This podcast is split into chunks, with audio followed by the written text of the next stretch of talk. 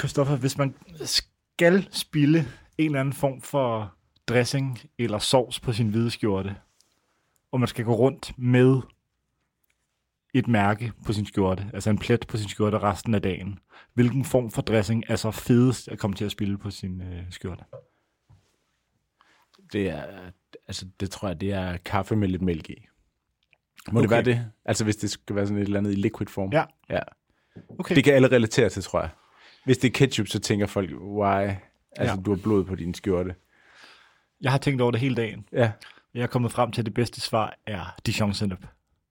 Jamen, det kan også godt være. Det kan være, at kaffe med mælk også har lidt den samme øh, kulør. Ja, og så føler jeg også bare, at øh, altså, Dijon Senep er, øh, det er den tænkende mands smørelse. Men den sidder i... Den sætter sig i næsen også, tror jeg. Gør, gør den ikke det? 100? Ja. Jo, jo. Så kommer du rundt sådan, som god kollega.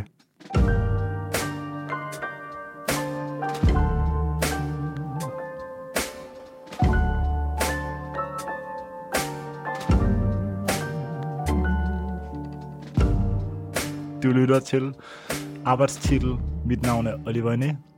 Med mig som altid har jeg min ven Christoffer Dahy Ernst. Godt at være her igen. Vi er i fuld gang med season 2 af Arbejdstitel på øh, Talktown Euroman Premium. Og i dag har vi bedt vores øh, vidunderlige lyttere om at stille spørgsmål til os. Ja. Så det vil sige, at det er en øh, AMA. Hvor tror du folk kender AMA-formatet fra hovedsageligt? I dag er det en AUA. Yes. Ask us anything. Øhm, Startede det det, ikke det, på- det er Reddit. Det er en Reddit-ting, Ja. ikke? At man Jeg kan tror, det er en Reddit. nogen om alt. Yes. Jo, og særligt, øh, jeg tror på Reddit fungerer det vist sådan, at der er nogen, der enten har prøvet noget helt vildt, altså sådan noget, øh, hej, det var mig, der sad fast i en hule i Thailand, mm. øh, og et eller andet spørger mig om alt. Eller det kan være en, en, øh, en der har vundet Super Bowlen, Yes. spørger mig om alt. Yes. Ja. Så, så nu sidder vi i et kælderlokale i content-bunkeren på Strødomsvej. Ja. Spørg os om alt. Og mm. det har I gjort, og tak for det. ja. Så øh, den næste, skal vi sige, sådan en halve time til 40 minutter er dedikeret til alle de spørgsmål, som er kommet ind til os. ja. Øh, vil du starte, eller skal jeg starte? Jeg kan godt starte. Ja. Hvis du kun må gå i et brand resten af dit liv, og pris ikke er et issue, hvilket brand skulle det så være? Det er for Rasmus. Godt spørgsmål. Ja. Øh, jeg tror, jeg ville gå i... Jeg hørte et program, jeg hørte Throwing Fits med Ezra Koenig Ja. fra, øh, eller Koenig fra Vampire Weekend, som sagde, at øh, han havde bondet med James Blake over, at de begge to gik i Barena. Ja. Og jeg føler, at Barena er sådan et brand, som man både kan gå i til hverdag og ligesom dresse op. Og det er sådan, øh, altså det der er subtle ved Barena, det er jo, at det næsten kun er knapperne, der afslører, at det er en, et stykke Barena-tøj. Mm. Øhm, men, så det vil være et godt bud, men jeg tror, for at være så striks mod brandet som overhovedet muligt, altså mit eget personlige brand, så vil jeg sige det tyske brand, der hedder Kind of Guys, Mm. som sådan, øh, jeg har næsten ikke set et stykke tøj, de laver, som jeg ikke kunne iføre mig. Hvad er dit svar på det spørgsmål? Det kan være et par forskellige brands. Det Mhm. kan både være Aspesi, apropos et brand, hvor de laver rigtig meget tøj, men aldrig vil iføre sig. En, sådan en brun t-shirt, der står tiramisu på. Det kunne godt være Aspesi, Ja. ja. men de laver også nogle af de fedeste skjorter Yes. og jakker i Enig. verden. Øhm, Drakes mm. eller Nike. Stærkt, okay. Ja. Altså simpelthen bare for at tænke, du må kun gå ind i den her butik resten af dit liv, Yes. så kan det lige så godt blive lidt komfortabelt. Det fucker jeg med. Ja. Plus at, altså, hvis det skulle være et brand, der ligesom skulle skabe noget til alle situationer i ens liv, så tror jeg faktisk også, at Nike kunne være dem. Det er jo så den anden pointe, Ja, ikke? altså jeg tror, jeg ved ikke, om man kan købe et par jeans fra Nike, men jeg tror, det er lige før. Jeg tror godt, du kan købe et par SB sneak, eller hvad hedder det, chinos. det kan du sikkert godt, Ja. men Ikke at formen, Men du har også mig. lidt problemet, når du så skal til begravelse. Ja. Og du øh, møder op i head-to-toe Giakusu. Præcis. Ja, men altså, et af de tre brands, tror jeg. ja, fair. Så har jeg et fra Magnus, der spørger, hvis I ikke måtte bo i København, hvilken anden dansk by vil I så vælge at bo i? Hvilken en dansk by? Yes, Det er et godt spørgsmål. det er fandme et godt spørgsmål. Vil du svare? Jamen, jeg kan godt, altså, det, det nemme bliver jo øh, Aarhus. Ja. Men jeg vil, øh, altså, jeg flytter til Los Angeles, før jeg flytter til Aarhus. Det er 100% sikkert. Ja. Øhm, men jeg kunne ikke bo i altså et hus uden for en by i Danmark. i længere tid. Nej. Altså, jeg vil ikke kunne flytte til Ringsted. Øhm, Jeg vil flytte til Høsterkøb. Hvor er det hen? Det ligger lidt... Det er meget bedre svar end mit, i øvrigt. Det ligger... Øh, Jeg ved ikke, hvor det ligger hen. Det, Det er det? ekstremt avanceret svar, det her. Det er, det er sådan et lille Morten Kork-univers, der ligger mellem Birkerød og Søllerød Okay. øhm, i Nordsjælland, Yes. som, øh, hvor der er, hvad hedder det, små landsteder med hestehold og Ja. ja. øh, natur på alle sider, og det, i princippet er det bare en vej, der bugter sig igennem øh, et lille landskab, og Klart. så er der øh, 100 huse eller sådan noget, Ja. max. Eller også så skulle det være sådan rigtig, rigtig ude på landet, mm. Mhm. oppe ved kysten. Det kunne godt være sådan noget, altså jeg tror godt, jeg kunne bo i Tisvilde hele året. Okay, Ja. ja. ja. Og det er jo så, øh, altså når vi siger det på den måde, så er det jo ikke med tanke på, at man nemt vil komme til København. Nej, nej, Fordi fordi så vil du bare kunne sige Ja. ja. Brøndby Strand eller et eller andet, og så Ja, vil ja, på præcis. København. Men jeg tror, jeg tror også det der med. Man skal også passe på med, at, når man snakker om at flytte et andet sted hen, så måler man det tit i afstand til der, hvor man er i dag. Ligesom Mm. sådan, hvis, skal vi ikke flytte til, øh, hvad ved jeg, Herlev? Mm. Så, er det sådan, jamen, det- så tager det jo, så tager det jo Yes, også 25 minutter yes. at komme ind til er København. hver byen, morgen. yes. Men, men din, din verdens centrum bliver jo så bare Herlev, Det er rigtigt. og så begynder du at måle alt derudfra. Det er meget sandt. Ja, så øh, det tror jeg ikke, man skal være så bange for at rykke teltpælten op. Nej. Ikke, at jeg kommer til det lige forløbet, men øh, det vil helt klart ikke være sådan en by-by. Hvor lang tid tror du, vi vil overleve i Jomfru Enegade? Jeg skal til Aalborg i næste uge. Ja, skal vi prøve? Har du nogensinde været der? Aldrig været Jeg har været der. Okay, Det er fedt. Ja. Det er sjovt. Hvor lang tid vil der gå, før vi var i ballade? Altså, vi skulle have noget hjælp. Der vil gå kortere tid med dig end med mig. Vi skal have noget hjælp. Ja. Okay. okay, jeg har et spørgsmål fra øh, Nikolaj. Yes.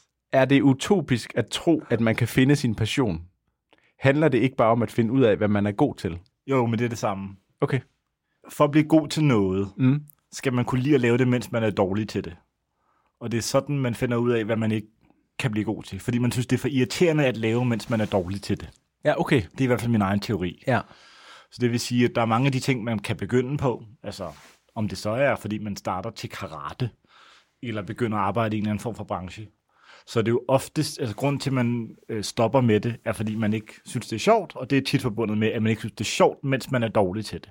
Men tror du ikke tit, at man, det, man er god til, finder man ud af, fordi man gør det, og så gør man det mere? Altså fordi man automatisk kommer til det? Jo, men okay. det er også, jo, fair nok. men Altså fordi du kommer ikke, du, du starter jo ikke tilfældigvis til skihop, Mm. og finder ud af, at du er god til det. Man skal nemlig synes, det er sjovt, selv når man er dårlig til Ja. det. Og det er det, der er min pointe. Ja. At det kræver, at man, ligesom, man er med på processen. Ja. Og det er det, der gør det sjovt. Og så har man selvfølgelig også en naturlig interesse oftest for det, man ligesom laver. Om Klart. det så er, fordi det er noget, ens forældre har lavet, Ja. eller om man er altså, videt til det på anden Mm. måde, gennem familie eller venner, eller om det bare er ens egen passion, der Mm. sådan, øh, har stukket afsted og har åbnet nogle muligheder. Ja. Jeg kan sige, alt det, som jeg er god til i dag, er jeg ikke god til, fordi jeg har et naturtalent for det. Altså, Okay. jeg har vidderligt intet naturtalent. Sådan motorisk er jeg ret dårlig. Jeg var ikke god til at skrive, da jeg startede med at Mm. mm. skrive. Jeg var ikke god til at udtænke idéer, da jeg startede med det. Jeg er kun blevet god, fordi at jeg startede på det, og ikke gav op, fordi jeg var dårlig til det. Jeg synes, det var tilpas sjovt, mens jeg var dårlig til Ja. ja. det. Og det tror jeg egentlig har været sådan en af kilderne til det. Fedt. Hvad er dit svar på det spørgsmål? Jeg tror ikke, det er utopisk at tro, man kan finde sin passion. Altså det tror jeg helt klart godt, man Mm. kan. Og ja, selvfølgelig hænger det sammen med, at det er det, man er god til. Fordi det er det, der er sjovt at lave. Altså det er sjovt at lave noget, man er god til. Mm. Så det gør man mere af, tror jeg automatisk. Mm. Det er sådan en menneskelig ting. Mm. Så øh, det synes jeg ikke er utopisk. Men jeg synes samtidig, at det, det hænger også sammen med, hvad der på en eller anden måde er profitabelt. I den ene eller den anden grad. Det betyder ikke kun, at det er økonomisk. Ja, men det Men tror jeg jeg- er en personlig vurdering. Det vil det helt sikkert være. Altså Men det kan jeg godt tror, være, at du synes, at din passion er at spille øh, kontrabas, yes. Eller et eller andet, som der ikke er nogen penge i, medmindre du bliver altså måske verdens allerbedste kontrabasspiller. 100. Ja, men jeg tror også, at øh, jeg kan i hvert fald bare udtale mig for mig. Min passion, eller hvad du nu vil kalde det, er jo også bygget på en eller anden form for idé om, at nogle andre kan få noget ud af det. Ja. Og det vil sige, at øh, selv hvis jeg... Øh, altså, I teorien kunne jeg jo sagtens sige, at jeg vil godt designe tøj. Mm. Eller et eller andet. Men fordi jeg ikke tror, jeg har følt, at jeg har kunnet byde ind med noget, som var noget værd for andre, så er det ligesom også stoppet mig i den proces. Og det vil sige, at hvis jeg nu vandt i lotto, og vandt 300 millioner, os lege det, sådan Niklas Benders månedsløn, så tror jeg ikke, at jeg vil lave det samme, som jeg laver i dag. Okay, det er jo en interessant tanke. Og det handler ikke så meget om, at jeg ikke kan lide at lave det, jeg laver i dag, men så tror jeg bare, at min passion vil gå mere på at nyde livet og have fri, end den vil gå på at arbejde. Men kan man ikke også have en passion for øh, boligindretning, uden at være indretningsarkitekt? kan eller, man sagtens. Eller have det som sit arbejde? Det kan man sagtens, men jeg synes, det er lidt forbundet med, hvad man bruger størstedelen af sin tid på. Okay, du Men det er ikke eksklusivt for det, det er fuldstændig rigtigt. Det kan Ja. sagtens være en kan hobby. godt have en passion for kunst, eller Yes. for øh, Yes. dykning, eller sådan Men når jeg hører udtrykket at finde sin passion, noget. Ja, så tror jeg også, det lidt handler om, sådan, hvad er det, man gør kontinuerligt. Ja. Fordi ellers så kan det bare være at spise slik eller sådan noget. Ja. Ja. Og det, vil jeg, det er noget, jeg godt kan lide, men det er ikke min passion. Øhm, og det er lidt det samme. Jeg kan godt, også godt lide at rejse, men jeg vil ikke sige, at det er min passion at rejse, for Nej. eksempel. passion for graphic Men det er jo et design. godt spørgsmål. Ja. Det, det er for os til at diskutere, hvad det overhovedet er at have en passion. Mm, tak til Nikolaj. Øhm, Alexander spørger, også et af de mere likede øh, spørgsmål, det her. Altså, han har stillet et spørgsmål til os, som så er blevet liket, Liket på twitter.com. Hvad er jeres største guilty pleasure, og hvorfor er det blød? og hvorfor er det blød? Ja. Det er sjovt. Øhm, Du må selv, hvordan, du må selv om, hvordan du vil svare på det her spørgsmål.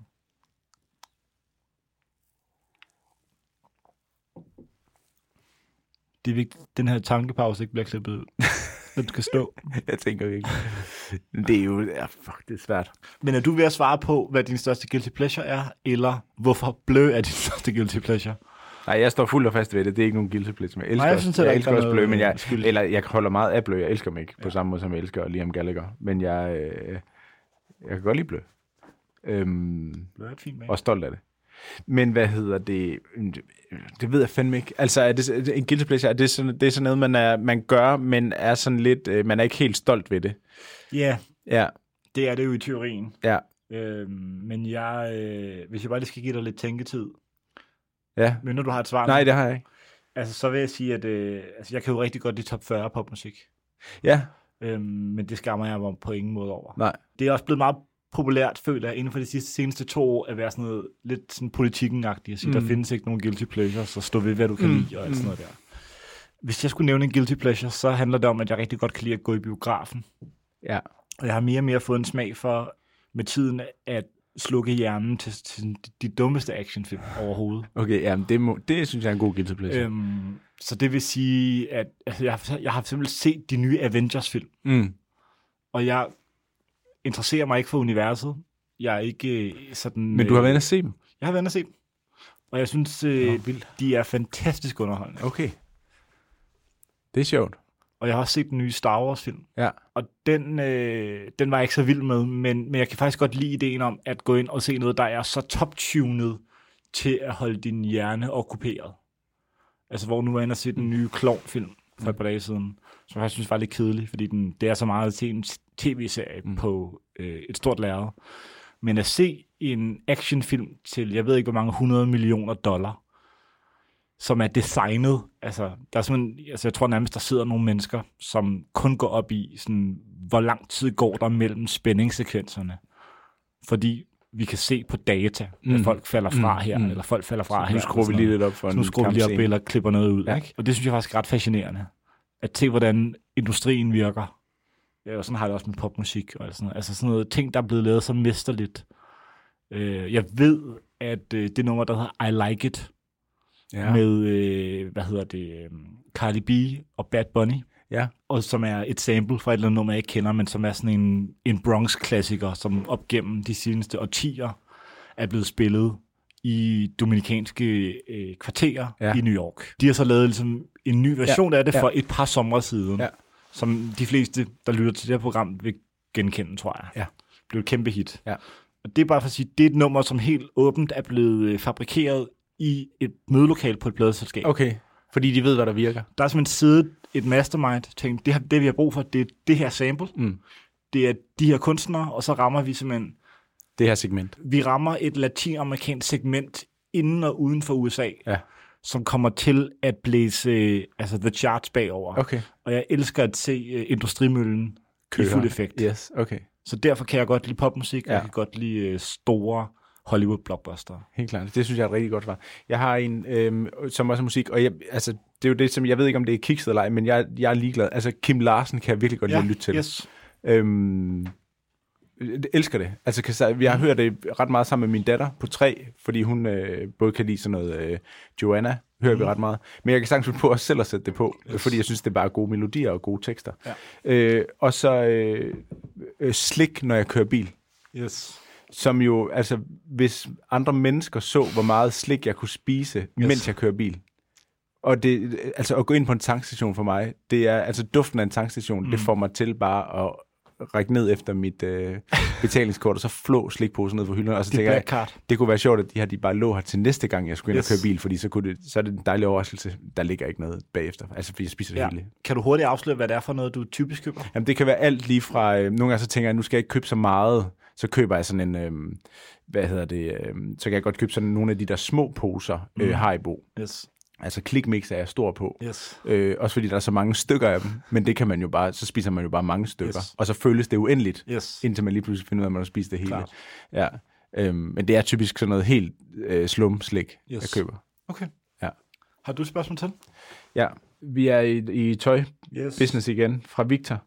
Er der nogen beklædningsgenstand, som I gerne ville kunne bære, eller trends, I gerne ville følge, men som I simpelthen er blevet for gamle eller for voksne til? Jeg har købt et par, øh, jeg tror også, vi har talt om dem i programmet. Jeg købte et par øh, hype sneakers sidste år. Øh, et par Nike Sakai. Og øh, jeg frygter for den dag, jeg skal... Øh, Har du gå gået i endnu? verden. Jeg har, ikke, jeg har ikke gået i endnu. Okay. Mint condition. Min condition. Øh, dem føler jeg mig faktisk lidt for gammel til at gå mm. i. Så har jeg også lidt en ting for dyreprint. Ja. Altså, jeg synes, leopardprint ser cool ud. ja. Øhm, og har lidt det samme med øhm, Noah-brandet. Mm. Lavet øh, både et jakkesæt og et par løbeshorts i leopard. Og jeg synes faktisk, de der leopard øh, løbeshorts, som også bare kan bruges som normale shorts, fordi jeg godt kan lide sådan, jeg kan bedre lide en sporty shorts, end jeg kan lide et par sådan noget chino shorts. Mm. Øh, de er ret tight. Øh, men jeg tror, jeg kommer til at se mig selv i dem, og så tænker jeg, det kan jeg ikke det. Mm. Så øh, dyreprint og hype gummisko vil Ja. nok være øh, dem, der er øverst på min liste. Har du noget? Ja. altså, at være så øh, altså ung igen, sådan en dreng, Mm. at man kan gå i fodboldtrøjer, når man går i skole. Altså, Savner du det? det, nej, men altså, det synes jeg bare var så svedigt at gøre mm. en gang. Jeg savner det ikke, men der er bare noget meget fedt. Altså, jeg havde, en af mine kolleger havde Juventus' øh, fodboldtrøje ja. På. Det er lyserøde? Øh, nej, den havde sådan en øh, lyserød stribe på. Okay. Og den var øh, virkelig, den er virkelig nice, synes yes. Jeg. Men jeg, jeg kan ikke selv gøre det. Jeg synes simpelthen, jeg er blevet for gammel til det. Jamen, det, det Og- kan jeg også bekræfte. Ja, og, øh, men bare sådan noget have Itali- Italiens øh, landsholdstrøje på. Ja. Øhm, eller Englands landsholdstrøje. Okay, det havde jeg simpelthen ikke regnet med, du ville sige det Nej. der. Okay, fedt. Jeg, tænker mere, jeg, jeg tror mere, jeg tænker tilbage på det, som om, at det var fedt, man gjorde det, Ja. end at jeg ville gøre det i Inden dag. ikke lyst Ja. til det i dag. Men det ville være fedt bare en morgen at stå op, ligesom øh, min kæreste søn på 10, han Yes. gør, og han har fodboldtrøje på øh, Yes. 6,5 ud af ugen 7 dage. Det plejer jeg også at have. Ja. Altså, jeg har virkelig haft mange Ja. ja. fodboldtrøjer, så jeg kan sagtens ikke genkende til det. Øh, der vil jeg så godt udfordre dit svar lidt. Skyd. Fordi jeg ved, du blandt andet har en Supreme-kasket et sted. Jeg fandt den for nylig. Ja. Altså, hvis du nu stod op en dag, og af en eller anden grund tænkte, jeg skal have kasket på, er det så rigtigt at sige, at selvom du muligvis godt kan lide designet, så vil du simpelthen ikke kunne øh, gå rundt i den ude i verden, uden at være for selvbevidst omkring det? Det er rigtigt. Øh, jeg havde den faktisk på for øh, nogle uger siden. Det var, fordi jeg løb en tur kl. 11 om aftenen. Ja. Og så havde jeg den bare omvendt på. Okay, Sindssygt look. fuldstændig vanvittigt. Ja, det er vanvittigt look. Okay. Har du nogensinde lyst til at have omvendt kasket på? Nej, men det Altså, var hvor fordi, du jeg, står og kigger dig selv i spejlet om Nej, men morgenen, det var og så fordi- lige ved at tage omvendt kasket på. det var fordi, jeg så en video med en, er der løb. for mig, det her. Det var helt sindssygt. Ja. Jeg så en video med en ved sådan en uh, løbedokumentar ting, Ja. og der var nogen, der havde omvendt kasket på. Og så tænkte jeg, det, det så egentlig meget cool ud ja. på sådan en løbemåde. Og så tænkte jeg, det kan godt være, altså særligt hvis man løber om sommeren, er det altså praktisk, er det jo en praktisk ting, yes. Hvis du ikke får sol i øjnene. Jamen, så skal den være forvendt og ikke Præcis, bagvendt. og så tænker jeg, at når man så, hvis det så ikke lige er sol den dag, yes. Men man så bare begynder at vende sig til at have Yes, det item klart. med, når man er ude at løbe, så tænker jeg, det kan jeg begynde at træne op til at have med nu. Men uh, det, det er vel en bomuldskasket, ikke? Nej, det, det er det, det mest syntetiske nylon, Okay, så der den overhovedet kan har være. den der nylon Den har den ja. der helt... Okay. Øh, ja. Øh, okay, fair. Fordi jeg har faktisk overvejet, Ja. om jeg skulle have kasket på, Ja. øh, fordi jeg har langt hår. Ja. Men jeg løber bare med løbbånd, eller hvad hedder pandebånd, Pandebånd. ligesom Paolo Okay. Maldini. Øhm, fair.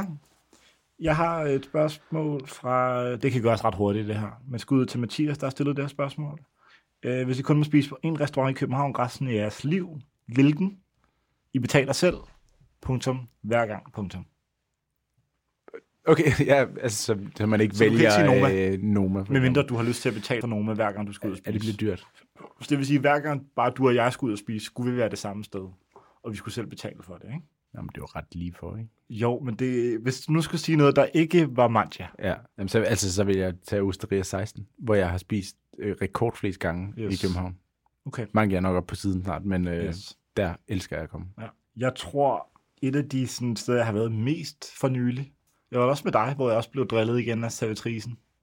Det er bare pasta. Ja, nå ja, Og ja, det er ja, ja, faktisk, ja. Øh, altså maden smager nøjagtigt, som den skal, men det er bare et sted, jeg godt kan lide at komme. ja. Det er sådan et rigtig hverdagssted. Det Det, er sådan et rigtig hverdagssted, ja. Og jeg ville næsten føle, at jeg kunne komme der med alle. det tror jeg også, man kan. Altså, jeg ville kunne være der med mine forældre, Ja, ja, og de ville klart. synes, det var meget sjovt. Du vil kunne være der alene. Ja. Ja. Øhm, så det ville jeg nok øh, vælge. Altså, det kan man jo alle steder, øh, vil jeg gerne understrege. Ja, ja, 100, Ja. ja. men der er klart steder... Øh, jeg løb ind i øh, en af vores bekendte på Manja sidste fredag, som sad og spiste solo op i baren. Var det Christoffer? Nej. Okay. Jeg ved ikke hvilken Kristoffer du refererer til, men det er også ligegyldigt. Eriksen. Nå, ja, han var der også, men ja. Ja. han sad ikke solo op, Okay. op i baren. Øh, men, øh, men der tænker jeg i hvert fald, det er sådan meget en scene. Mm. Altså, jeg vil møde nogen på Manja, Mm. hvor det kan også være meget nice at have et par steder, hvor man... Øh, Er alene. og hvor det ikke ligesom er, hvor der ikke nødvendigvis kommer nogen, man kender. Ja. Ja, fair. Har du et til? Jeg føler lidt, vi har snakket om det her før. Mm. Hvordan kommer man ind i kommunikations- eller reklamebranchen, uden nødvendigvis at have en uddannelse, der ligger op til det? Fra Emil. Altså, det er jo ikke, fordi det er meget svært. Jeg tror mere, det er sådan, hvordan vil jeg rent faktuelt bære mig ad? Fordi der er jo altid sådan en ting, der er sådan et seeing is believing-agtigt, som er, hvis man ligesom har en, en idé i hovedet om, hvordan man kommer ind, så skal man nok komme ind, uanset hvilken vej man så har, hvis man mm. kan se sig selv komme ind på den måde. Ikke? Ja. Hvis man ikke har det, så vil jeg sige, at øh, altså måden, jeg har gjort det på, er jo ligesom ved at lave nogle ting selv, som Mm. har været min indgang til, at andre tog kontakt til mig. Som det har været apropos, eller programmer om ingenting, eller ritualer, så har det altid været det der med at lave noget selv først, og så vise det som en case. Du ikke gider at vente på, at andre giver dig muligheden, så tager du den egentlig bare selv. Så det er en ting. Men Hvis man ikke ved, hvad man skulle lave, og ikke føler, at man har noget sådan på hjerte, øh, så vil jeg sige, øh, lav en god ansøgning, øh, være ydmyg og åben for at øh, lave noget, som man øh, ikke er god til, og være klar på, at man ligesom øh, skal lære det på den hårde måde. Mm. Og så finde ud af, hvor altså sådan ekstremt øh, nemt det faktisk er at gøre indtryk, hvis man gør sig en lille smule umage.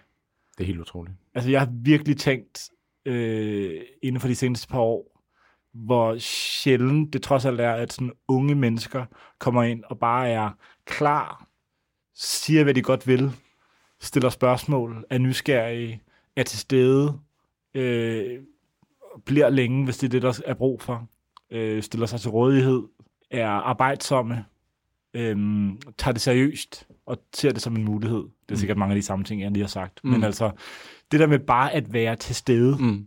næsten uanset om man er god eller ej, det skal mm. man nok ligesom, kunne lære. Mm. Men hvis man bare er villig og giver indtryk af, at man er klar til at arbejde, så man længere frem i køen end de 92 procent, der ansøger om den samme ting. Så det der med at være ydmyg og gøre sig umage. Det er jo også et nemt svar. Nå, men jeg synes, det var meget fyldskørende. Og så persistent. Altså, hvis, du, mm. øh, hvis det ikke Ja. lykkes første gang, så bliv ved. Altså, Ja. ja. længere er den ikke. Folk er pisse ligeglade. Ja. Altså det, det, det værste, der sker, det er, at der sidder en, som der er i den anden ende, mm. Og, og tænker, nu skriver han igen, eller nu Mm. skriver hun igen. Mm. Men ud over det, så er der ikke rigtig noget at tabe. Nej. Øh, og især hvis man ikke er det på en flabet eller irriterende måde. Nej, men igen tilbage til ydmygheden. Altså bare øh, byde dig til, Altså, så skal der- det nok komme. Der er en tv-serie, hvor øh, David Lynch spiller øh, tv-executive, hvor han siger, at der er tre Okay. regler i showbiz. Ja. Øh, og den første, og det er den, der er mest gældende her, det er at kigge dem i øjnene og tale fra hjertet. Og hvis du gør det, så er du øh, godt på vej. Og så er der de to andre, som er, nogle gange skal du øh, gå væk for at komme tilbage. Mm. Også en god regel i livet. Og øh, nummer tre, som er, øh, når man kommer længere op i hierarkiet, det er, hvis nogen øh, beder dig om at holde på en hemmelighed, så er den hemmelighed en løgn. Det var meget godt. Mm. Det er hermed skrevet ned. Det er med, øh, det er givet videre til den næste generation. Øh, jeg tjekker lige, hvad vi har fået her. Så er der øh, altså et stort spørgsmål, det her. Ja. Så det kan godt være, der er en lille tænkepause. Men Andreas spørger, hvad er jeres favoritstykke populærkultur nogensinde? Det er fandme et godt spørgsmål. Men er Øh. det så også bare alt fra musik til film, til magasiner, til... Hold da kæft. Altså, det er det vel i teorien. Ja. Øh, hvis du skulle sende et stykke content til månen, sige, det her, det er det, vi har. Hvad skulle det så være? Det er vel det, der bliver spurgt til. Jamen er det, ikke, er det- sådan noget øh, Godfather eller Pulp Fiction, Mm. vil jeg næsten sige. Mm. Altså øh, i min verden. Mit er øh, Marvin's Room af Drake. Ja. Jeg har lige en til fra Nikolaj, der spørger, ud over New Balance og Vans, hvilket jeg tror er myndet på mig, men det er så fair nok. Ja. Øh, hvilke sneaks er der i garderoben? Ja, det er et godt spørgsmål. Jeg går i... Øh, altså, jeg har et par Common Projects. Yes. Går i Nike Pegasus Ja. 36'eren mm-hmm. i trail-version. Mm-hmm. Så har jeg... Øh, altså, hvilke sneakers? Du må godt bare sige sko. Okay. Clarks. Desert Mhm. Boots. Jeg har lige købt det på Drakes. Ja, er det den, du har på nu? Ja. Meget chic. Ja, meget. Så tror jeg ikke, der er flere lige nu. Mm. Jo, jo, undskyld, der er min øh, Adidas Terex Gore-Tex sko, Yes. som jeg går meget i. Okay. Det er det, der gør af min skogarderobe lige for tiden. Mm. Hvad med dig? Men jeg har øh, altså, jeg har en del sko i garderoben, men meget få, jeg går i. Ja.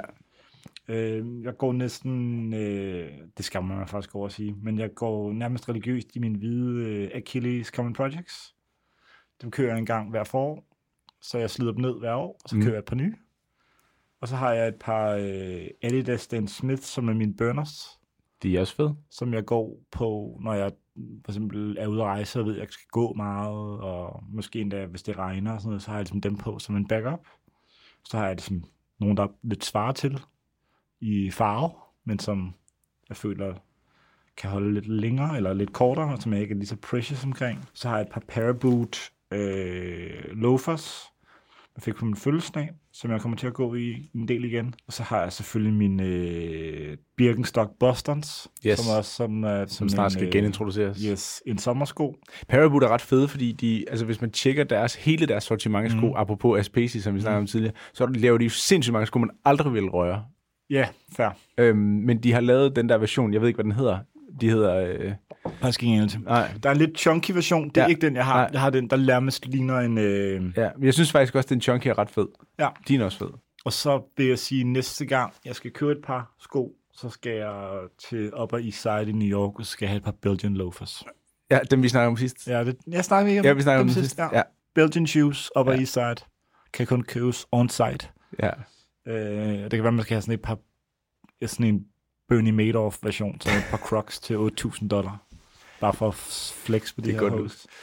Øhm, jeg har et, som jeg tror mest møntet på dig, for okay. Jeg vil ikke kunne svare på det her spørgsmål. Okay. Så skyd det. Bare for lige at gøre vores øh, Rasmus H. Mikkelsen i en DM på Instagram spørger, hvilket af Margaret Howells huse vil I helst bo i? Det er Suffolk. Det er hendes sommerhus, ikke? Øh, jo, altså, men det, det er jo aldrig sommer i England, så, øh, men det er hendes, øh, det er hendes, Hey. hendes landhus, Yes. øhm, som ligger øh, ja, tæt ved vandet. Øh, helt klart. For det er det eneste, jeg kender. Ja. Øh, der er et øh, interview med hende i Apartamento i det de seneste Okay. 5-6, hvor ja. Ja. det er deroppe. Ja. Men det er også det eneste øh, Ja. hus af hendes, jeg kender, tror Ja. jeg. Ved du, om hun også har hus i udlandet? Øhm, det, det tror jeg ikke, hun har. Okay, der er altså lige et spørgsmål til. Skyd. Øh, Magnus spørger, hvilke er jeres fem personlige essentials? Det kan være alt fra møbler, accessories, tøj, et eller andet. Så hvis det nu skulle være fem genstande, der skulle repræsentere dig. Mm. Stort spørgsmål, det her i øvrigt. Mm. Vi kan også gøre det med hinanden. Så vi, vi gætter på hinanden? Ja. Jamen, klart, det kan vi godt. Øh, den første for dig er selvfølgelig øh, en, en marine, hvad hedder sådan noget, en grøn, army-grøn Margaret Howell-jakke. Tak. Det er sådan et... Øh, jeg, jeg sendte endda, endda dig et link Ja, til skal, skal du ikke have den her? jeg, nej, men jeg vidste godt, at du ligesom Det var øh, sødt havde dig. noget, men jeg Ja. kom til at tænke på dig. Fordi det var et godt tilbud, og så tænkte jeg, du ved, hvis man elsker noget, så kan det være, at man altid vil have en want to rock og want to stock. Ja. ikke? Og så er det min tur. Ja. Godt. En, øh, altså, en A Kind of Guys skjorte, Ja, bliver jeg sådan okay. nødt til at sige. okay. Nu har jeg jo rent faktisk været hjemme hos dig. Mm. En øh, afkølet flaskeøl fra en udenlandsk producent. Tak. Tusind tak. altså, jeg bliver også nødt til at sige, dine briller, Yes. fordi de er så signifikante, og de er så fede. Ja, fair. Okay. Og jeg har været sammen med dig i flere lejligheder, hvor du bliver rost for dem. Det er rigtigt. Og det synes jeg er fedt. Ja, den er, ja. Den er købt. Ja. Så vil jeg sige, en sms, hvor der står, jeg er lige fem minutter forsinket, vil også være med i dit øh, arsenal Tak. af sådan nogle signaturting, som, altså, hvis jeg, hver gang jeg ser den sms, så tænker jeg på dig. Uanset hvem, der har sendt den. Uanset hvad der Ja. ja. Ja. Men også fordi, jeg ved, den altid kommer. ja. Never on schedule, but always on time. Hey. Ja. Så, øhm, ja, hvad, hvad hedder de? Altså bukser, som er cropped eller stumpet, Yes. øhm, Okay, yes.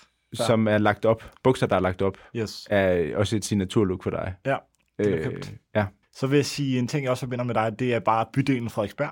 tak. Øhm, du har boet der over flere omgange. Jeg tror ikke, du har, du har stort set ikke boet i en anden bydel i København end Nej, Frederiksberg. jeg boede ved Glyptoteket i et år, Ja. og så flyttede jeg til Frederiksberg. Og så har du boet der lige siden. Så jeg boede der Og 15, 15 år eller sådan noget. er det to eller tre forskellige... To. Øh, ja, Tre, undskyld, tre. tre, ja. Så det er tre forskellige lejligheder på ja. Frederiksberg. Ja. Øh, så jeg kan, ikke, jeg kan ikke opholde mig på Frederiksberg, uden lidt at føle, at jeg er På min på turf. dit home turf. Så er der jo, øhm, altså jeg synes, dit, selvom du lige har fået det, så dit ur, synes jeg, dit, Yes, dit okay. nye guldur repræsenterer øh, den du er så meget. Okay. Altså fordi det har sådan en, altså der, er- der er lidt, det er lidt, en lille smule flamboyant, øh, Yes. og lidt sådan brallerne på den fedest mulige måde, synes Ja, jeg. Altså okay. der er sådan noget højt råbende over det, men samtidig så er der noget underspillet luksus over det. Modtaget. Det kan jeg godt lide. Yes. Og så vil jeg sige, øhm, for den sidste, jeg vil nævne for dig, det er, øh, altså, det er den digitale løberute. Ja. Du er den eneste, jeg kender, som øh, er så, øh, hvad hedder sådan noget, meddelsom med, hvor du løber hen. Det, det gør jeg ikke særlig tit. Nej, men du er bare den, jeg kender, der gør det mest. Mm. Okay, Og ja. du ser det lige nu, som om jeg driller dig, men Ja. ja. det gør jeg faktisk ikke. Okay. Det er fordi, øh, jeg er en person, som aldrig rigtig har løbet sådan lige så øh, Eller registreret. effektivt måske. som ja. dig. Nej. Og jeg føler lidt, at du er sådan øh, the running guard i min omgangskreds. Ej, det er Anton. Men det er, fordi han løber meget hurtigere end mig. Men Fair han nok. skrev faktisk, apropos Ja. løberuter, skrev han, du skal snart udgive en coffee table bog med de løberuter, du laver, fordi vi følger hinanden på Ja. Strava, Ah, okay. og, og jeg løber nogle sindssyge ruter en gang imellem, Yes. fordi jeg synes, det er kedeligt at løbe de samme Ja. hele tiden. For eksempel i sidste uge, der løb jeg sådan en zigzag-rute på Frederiksberg, hvor jeg løb, prøvede at løbe alle veje øh, på Frederiksberg C. Fedt. Eller mange veje på Frederiksberg C. Det er derfor, du er, du er the running guard. Ja, Ja. tak. Skud til er Willemann, men altså, øh, han er nummer to. Cool. Og så bliver jeg nødt til at sige dine to telefoner. Altså, Yes. fordi det, er, så- det, det siger meget om det. Altså, alle har jo en iPhone, men der er fandme ikke særlig mange, der Yes. har to. Fair. Den, er, den synes jeg var god. Cool. Det kunne jeg godt lide. Ja. Og nu er det tid til overvurderet og undervurderet. Øh, tusind tak til alle dem, der har submittet deres spørgsmål på Twitter og Instagram, og hvor de ellers har gjort det. Det er vi meget glade for. Dem, vi ikke har nået, skal vi nok samle op på senere i andet program. Mens du, mens du lige finder den ting, ikke? Ja. må jeg så bare lige sige, Ja, ja. Sebastian har, har skrevet en kommentar, som bare er til mig. Fucker dig og din bror stadig med saxofon-emojien? Ja. Svaret ja. ja, helt klart. Den første ting er øh, Klovn. Fedt. Klovn-filmen eller Klovn-universet. Ja, Jeg tror, det er jo Klovn-universet. det må være klovn-universet, ja. ikke? Altså, der er nogle klassiske øjeblikke. Klovn er jo godt. Altså, det vil jeg gerne sige off the rip. Ja. Klovn er godt. Ja. Øhm, Klovn er øhm, overvurderet. Og det er et stykke nationalhistorie. Ja. Det er det, og det er det bedste, de har lavet. Mm. Altså, det er bedre end Madrid-aftalen. Det er bedre end langt fra... Det er sygt meget bedre end langt fra Las Ja, Vegas, ja, helt øh, som er lort. Øh, sygt meget bedre end Shooting Stars, og det er alt det der, de har lavet. Øhm, men jeg tror, at øh, forbilledet for Clown er Curb Your Enthusiasm. Mm. Og det er også unfair at sammenligne de to, men det er ikke desto mindre den præmis, de har købt ind på. Det er at sige, at vi vil godt lave en dansk version af Curb Your Enthusiasm. Og det, jeg synes, de lykkedes med, er, at dynamikken er meget anderledes, fordi de pludselig har en Karl Smart og en klovn. Mm. Og det har Curb Your Enthusiasm ikke. Mm.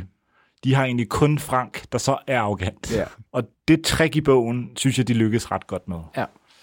Øhm, men måden, jeg har det med Seinfeld, som også er en Larry David-ting, og Curb, er så unik, at det er serier, jeg har set back to back. Mm. Altså, jeg har set den flere gange, mm. og det sker ikke med noget andet. Nej. Øh, og jeg vil aldrig nu sætte Klovn sæson 1 på. Sindssyg tanke. Og derfor bliver jeg nødt til at sige, at altså, for hvad det er, Ja. og hvad jeg sammenligner det med, fordi tid er tid, det ved du også. Mm. Man er egentlig ikke i konkurrence med andre YouTube-kanaler, når man laver en YouTube-kanal, og man er ikke i konkurrence med andre tv-serier, når man laver en tv-serie. Man er i duel med alt andet, der kan underholde en. Mm. Og der må jeg trods alt sige, at der er, der er simpelthen for mange andre gode ting. Så derfor bliver jeg nødt til at sige, som noget af det bedste i Danmark, som det er, så er det stadig ikke vurderet for lavt i forhold til, hvad det er. Godt svar. Tak. Den næste er, øhm, altså det er en bog, Last Night Party. Yes. Altså Last Night's Party er, øhm, det, det kan du måske også selv introducere, men er ligesom sådan, måske den mest gennemgribende dokumentation af natteliv, Yes. der er lavet øh, i nyere tid i hvert fald. Yes. Og mit spørgsmål er, er natklubber overvurderet eller undervurderet? Godt spørgsmål. Så det, nu sidder jeg lige og kigger igennem bogen. Og det her er sådan lidt, hvis... Øh, Det er fra festfotos. Det er festfotos, hvis DKBN var øh, baseret i, på de smarte klubber i USA, Mm. og hvis fotografen var bedre end øh, en, der gik på Øregård og havde et spejlrefleks i 2004, så vil det være billederne her. De er sådan tilpas pikante. Der er sådan Ja. et Terry Richardson over dem, Ja. hvis man kan sammenligne det med det. Der er nogle topløse billeder, der er nogle andre sådan, øh, lettere amoralske situationer, nogle ukristelige situationer, som man ser på billeder her. Øhm, der var en periode, hvor jeg ret godt kunne lide at se de der øh, billeder fra øh, de arrangementer, som Purple Magazine afholdt Ja. i Paris mm. og i, øh, i Los Angeles hovedsageligt, og også en del i New York. Det er jo ret fedt, fordi det bare var fede mennesker og smukke kvinder og også nogle sådan semi-kendiser. Der er nogle billeder af her, kan jeg se. Øhm, natklubber. Jeg tror oftere, jeg har forladt en natklub og tænkt, det skulle jeg ikke have gjort, end jeg har forladt en natklub og tænkt, godt jeg gjorde det. Mm. Og, øh, og jeg forstår det hedonistiske aspekt i det. Øh, jeg er heller ikke sådan en, der har prøvet det hele. Altså, jeg er ikke Jesper Buch. Du tager ikke Jeg til Ushuaia tre gange om Jeg, har ikke, jeg tager ikke til Ibiza tre gange om året og fester med de Med de hårde drenge. rigtig hårde drenge. Sammen med øh, Diplo og David Portnoy fra øh, den der Bro Bible. Hvad er det nu, den hedder? Det er Øh, Barstool Sports. så den der Lad Bible, Ja, bare stulsport. yes. Ja. Øhm, så jeg er ikke, altså jeg kunne aldrig finde på at, at rejse til en natklub, og jeg tror faktisk et meget godt eksempel på det. Nu sidder jeg her og trækker den ud. Ikke? Ja. Jeg har været i Berlin, altså et sted mellem 5 og 10 gange i de seneste fem år. Jeg har aldrig været tæt på at tage på Berghain. Det siger mig ikke nok. Jeg vil hellere stå tidligt op og drikke kaffe næste morgen, end jeg vil være ude øh, til sent om aftenen og danse til, øh, til øh, musik, der typisk lyder som en, øh, som en migræneanfald, jeg engang har haft. Og derfor bliver jeg nødt til at sige, at øh, natklubber er overvurderet. ja. Godt. Må jeg bare lige stille dig et hurtigt, bare sådan et ja-nej-spørgsmål nærmest. Ja. Er du enig i den udlægning? ja. Okay. Men jeg har, jeg har øh, rejst efter at gå i byen. Yes. Altså også, jeg har taget til Berlin på sådan nogle ture, hvor, vi, hvor målet har været, for lang tid siden var det sådan noget Watergate, og så Yes. var det øh, Visionær, og så Berghain og så videre. Og det var, øh, det var med altså, henblik på at komme på klub. Okay. Det var nogle ture, jeg har haft. Har du været i det mørke rum? Nej, Okay. ikke på Berghain. Nej, okay. Fair nok. Den næste ting Yes. er Action Bronson. Okay.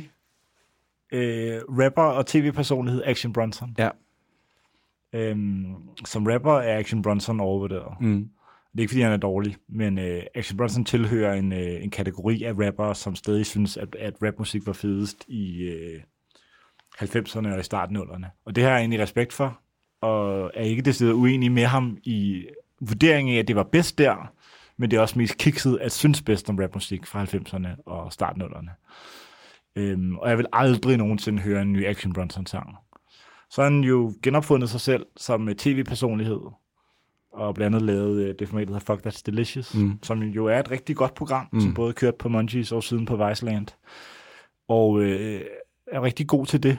Jeg kender faktisk dem, der optog med ham, da han var i København, I København. og lavede ting derfra. Ja. Og de sagde, nu skal jeg ikke nævne nogen navne her, de sagde faktisk, at han var ret nederen arbejde med. Okay. Altså sådan lidt grumpy, Mm. øhm, bare ikke vildt sociable, ja. og sådan ikke vildt øh, nice at være sammen med. Og det synes jeg altid er, lidt skuffende, når man egentlig skal være the people's champ, yes. som han jo lidt ligesom giver sig ud for at være. Ja. Både lidt sådan arrogant, men egentlig ja. også være den, der var sådan lidt, jeg er en af jer, mm. og jeg synes også bare, det er fedt at spise øh, store is og øh, donuts. Ja. Ikke? Og drikke mig fuld og være del af den der kultur nede på jorden sammen med alle de andre. Mm. Og både kunne sætte pris på altså sådan lidt øh, Anthony Bourdain-agtigt, mm. ikke? Altså egentlig både kunne se kvaliteten i en shawarma, og så kunne tage på en 60-stjernet Michelin-restaurant og forstå det, og ikke synes, at det var øh, snobbet, men mm. bare anerkende det for, hvad det er. Og det har jeg respekt for. Og der synes jeg, han har været en af dem, der ligesom har holdt den tradition i live efter Anthony Bourdain. Mm. Altså være en af dem, der ligesom kunne tradisere madkultur i et sådan omfang, at man egentlig både kunne være med ham, øh, mens han spiste øh, bagels på Brick Lane, Mm. til han stod øh, på en eller anden 60 restaurant med Daniel Bolut øh, i New York, og så den der Anne-pres, som øh, Daniel Bolut var meget kendt for. Ikke? Så nu hvor jeg tænker over det, så er han undervurderet. Okay, godt. Det var fedt. Det er sjældent, man taler sig frem til noget, hvor... Ja. Øh, ja. Der findes få mennesker som ham, og i forhold til, hvor mange nederen madpersonligheder Mm. der findes, altså et marked, hvor 98% af dem er fucking nederen, Ja. ja. og som jeg aldrig ville tilbringe Mm. mm. en time med i mit eget selskab. Der er det der klip, hvor han står sammen med en kok, der skal lave en ret ud fra hans nye album. Altså, han står og lytter til musikken, Okay, som er sindssygt fedt. Altså, Ja. ja. vildt fedt. Også ham kokken elsker musikken også. fedt. Ja. Okay. Øhm, okay, fedt. Altså, jeg var selv splittet i forhold til det, men jeg kan godt høre, at du Hvor, taler. hvor står du så nu? Øhm, jamen, jeg synes, han gør nu... Han, hvis man sammenligner ham med sådan gængse anmelder, så, så er det klart, at hans ordforråd måske kommer en lille smule til kort i forhold til at beskrive det, han mm. spiser. Øhm, men det er heller ikke agendaen, synes jeg. Og derfor så synes jeg også, at han gør en hederlig indsats i forhold til at kommunikere mad, og løft, vise, at mad er meget mere end mad, men mm. også kultur, og, øhm, og noget, der påvirker os alle sammen på en eller anden måde. Og det der med at, at leve, hvor maden bare er en del af ens city life, Yes. synes jeg, han kommunikerer ret godt. Klart. Øhm, jeg kan godt lide ham. Jeg kan godt lide ham. Ja. ja. Godt. Og så har han, det har været ret fedt at lave det der tv-program for ham, tror jeg. Altså, det er noget ret misundelsesværdigt gig at rejse rundt i 100%. verden og spise mad. 100%. Den sidste ting, jeg har med, Yes. Åh, oh, nu har du et stort smil på. Okay, fedt. Det er en, øh, en plastikfigur, der ligner en Oscar. ja, det, altså det er jo Oscar season, Yes. og øh, er prisuddelinger overvurderet eller undervurderet? Fandme et godt spørgsmål. Må jeg først spørge, hvor du bare har den her figur fra? Ja, men vi havde sådan en øh, prisuddeling på arbejdspladsen yes. I forbindelse med øh, julefrokosten. Yes, modtaget. Øh, jeg, altså, det er jo så sindssygt overvurderet, Okay. at det jo faktisk er, er sjovt. Okay. Altså, det er jo ægte sjovt, hvordan at prisuddelinger i en tid som vores stadig betyder et eller andet Mm. i kulturen. Og jeg synes jo, det er jo næsten bedst eksemplificeret ved Ricky Gervais, som altså, i takt med, at han er blevet dårligere og dårligere til at lave tv-serier, er blevet bedre og bedre til at være vært på The Golden Globes. Ja. Og det faktum, at det kun fungerer, fordi han er vært. Altså, det er kun det, at man tager pis på det, der er sjovt. Ja. Og der er jo ingen, der er sådan rigtig interesseret i, hvem der vinder. Altså udover dem, der er i lokalet. Præcis. Det er jo også det, han mm. som byggede en af sine jokes op omkring. Ikke? Og så har der lige været Grammy-uddeling, som jo også er et show, som alle de største stjerner har, har boykottet. Okay, nå, det vidste jeg ikke engang. Altså, Jay-Z kommer ikke Okay. til, til The Grammys, Beyoncé kommer ikke til, ja. til The Grammys, og submitter ikke deres plader længere. Okay.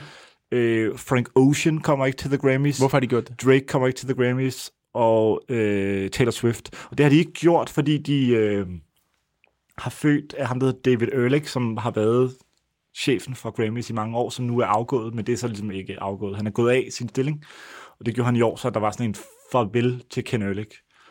Ken Ehrlich, tror han hedder, ikke David Ehrlich. Øh, Ken Ehrlich. Og de, har simpelthen, de, var, de har vel bestemme så meget. Nå, okay. Altså, og det er jo det, der har været skiftet i altså det moderne popverden. Det er jo, at magten ikke længere ligger hos publishers. Mm.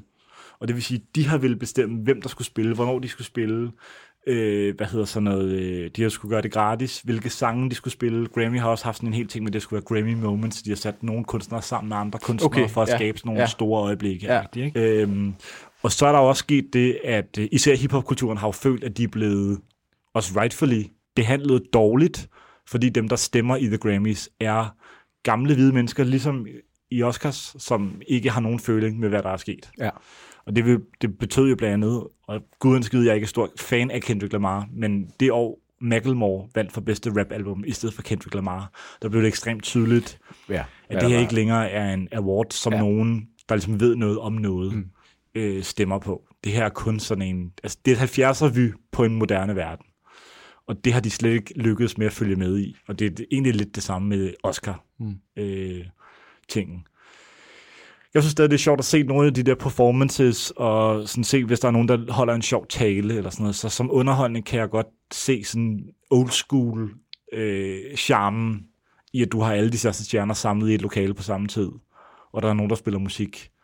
Men som institutioner, der ligesom skal fortælle os noget om mm. den moderne verden, Mm. så er de øh, nyttesløse. Okay. Men jeg har stadig en forkærlighed for underholdningsaspektet i det. Ja. Og men de ikke længere er en færre repræsentation den moderne verden, vi lever i, så er det en af de få tilbageværende institutioner, hvor de gamle regler gælder. Det svarer lidt til en af de der gamle sådan, Café Victor. Mm. Altså man er ikke fyldt med tiden i forhold til smagsnuancer. Men det er vigtigt, og, den er der. Men det er vigtigt, de er der. Ja. Og de i hvert fald, man skal kunne sætte pris på dem for, hvad de er. Ja. Og sådan er det også med awardshows, tror jeg. Bliver en film bedre, hvis den vinder en Oscar? Nej, det gør den ikke. Nej. Tværtom. Altså, jeg tror, der er, man har mere og mere sådan et billede af, at det, de ting, der vinder Oscars, er sådan nogle lidt rørstrømske. Ja. Øh, At der er en opskrift, apropos Det- det, ja. Cardi B-nummeret. yes. Ja. Og lidt sådan nogle altså, lidt store historiske film. Altså eksempelvis en film, jeg aldrig har set, som jeg er ret sikker på, jeg ikke ville kunne lide, er den der Abraham Lincoln-film Mm. med Daniel Day-Lewis, hvor du ved, at han har spillet sig ind i rollen og øh, Set fire på det. læst tusindvis af taler og sådan noget. Men det er ikke en film, som, øh, som vil interessere mig overhovedet. Jeg kan, ikke engang, altså, kan du huske en film eller en skuespiller, som vandt en Oscar sidste år? Nej, overhovedet ikke. Overhovedet ikke. Og det siger alligevel Ja, ja, noget. Jeg ved godt, at ingen af os er filmanmeldere Ja. for Echo, men øh, hvilket som mindre så siger det noget om, hvor irrelevant det er blevet for sådan den moderne samtale. Ikke? Øh, du har jo set øh, Uncut Gems-filmen af Safdie Brothers. Ja. Er øh, Adam Sandler blevet frarøvet En nominering. En nominering. Øhm, nej, det synes jeg ikke. Øh, okay. Det synes jeg ikke. Men jeg, mit sammenligningsgrundlag er også ret spinkelt, men jeg synes ikke... Altså, jeg synes, det er en vild film på den måde, at man er sindssygt stresset, når man ser Yes. den. Øh, altså, som tilskuer, eller som, ja. hvad hedder det, publikum, fordi den er så... Øh, den er bygget så hektisk op, og Klart. de scener, der er, de beslutninger, han tager, er så dumme, øhm, hvor man nærmest sidder på kanten af sit sæde og råber ham yes. i hovedet. Øhm, men jeg, jeg synes stadigvæk, at han, øh, han leverer en fin præstation, men det er ikke ligesom det er ikke det, der vil make it or break it for mig. Og så vil jeg samtidig sige, og det er jeg fuldstændig enig med dig Mm. at der, er, der var alligevel noget i mig, der syntes, det var fedt, da Leonardo DiCaprio vandt sin første Oscar Jamen, klart. for uh, The Revenant, Ja. sådan mange år for sent. Mm. Da, øh, hvad hedder ham, der har instrueret, Martin Scorsese vandt Mm. sin, sin første Oscar, som også var relativt for nylig, var det ikke det? Det ved jeg ikke. Men Du må ikke spørge mig om sådan noget. Okay, jamen, jamen, hvis jeg husker rigtigt, ja. så har han også været også på tide, nomineret masser Ja. af gange, og så Ja. tror jeg nærmest, han vandt for, for sådan noget The Wolf of Wall Street, Okay. som jeg faktisk tror var hans Okay. første Oscar. Ja, okay, vildt. Og da Jonah Hill blev nomineret til en Oscar Ja, det er også stort. for Moneyball. Altså det synes jeg var ret tight. Ja. Øh, så derfor er der jo stadig en vis sådan, genkendelse i det. Klart. Øhm, Men facit er? øh, awardshows er overvurderet. Okay. Kæft, jeg har været i talehumør i dag. Ja, du har snakket godt. Det skal jeg beklage for Det gør vores ikke noget. øh, medproducenter og for dig. Det var alt, hvad vi havde valgt at vælge og bringe i dag Det er facts. i Arbejdstille. Tak fordi I lytter med. Øhm, Tak til Mia og Nina. tak til Mia og Nina. Tak til Euroman. Tak til Emil Norsker. Tak til Asger og Peder for musikken. Facts. Og vi øh, er tilbage igen om 14 dage. Yes.